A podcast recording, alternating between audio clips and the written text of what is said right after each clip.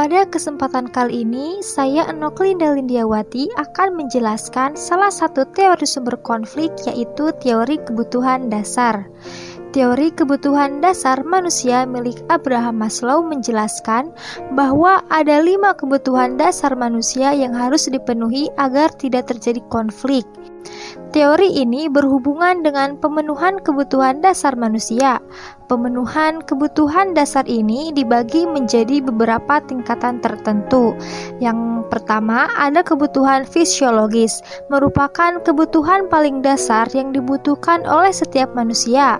Dapat disebut sebagai kebutuhan sandang, pangan, dan papan. Yang kedua, kebutuhan keamanan. Kebutuhan ini memberikan rasa aman dan perlindungan kepada manusia. Setiap manusia berhak mendapat rasa aman.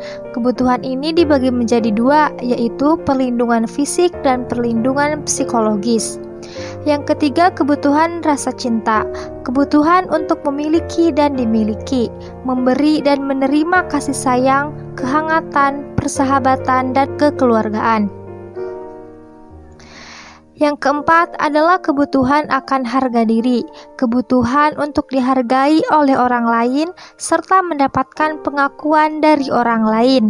Yang terakhir adalah kebutuhan aktualisasi, kebutuhan tertinggi dalam hierarki Maslow yang berupa kebutuhan untuk berkontribusi pada orang lain atau lingkungan, serta mencapai potensi diri sepenuhnya.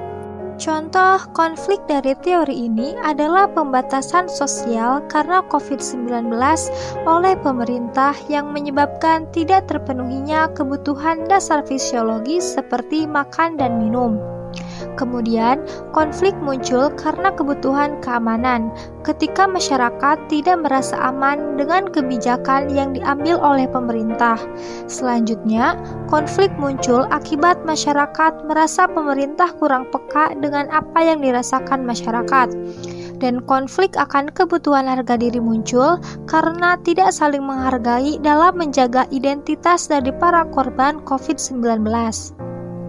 Terakhir, Konflik bisa terjadi ketika seseorang tidak mampu mengaktualisasikan dirinya karena diliburkan dalam jangka waktu yang tidak dapat ditentukan. Solusinya yaitu kita sebagai masyarakat perlu mengingatkan pemerintah untuk tetap komitmen dan memahami kebutuhan dasar masyarakat. Pemerintah pusat juga perlu mengingatkan pemerintah daerah tingkat provinsi dan kota untuk memahami karakter masyarakatnya dan mengambil kebijakan yang tidak mengorbankan masyarakat.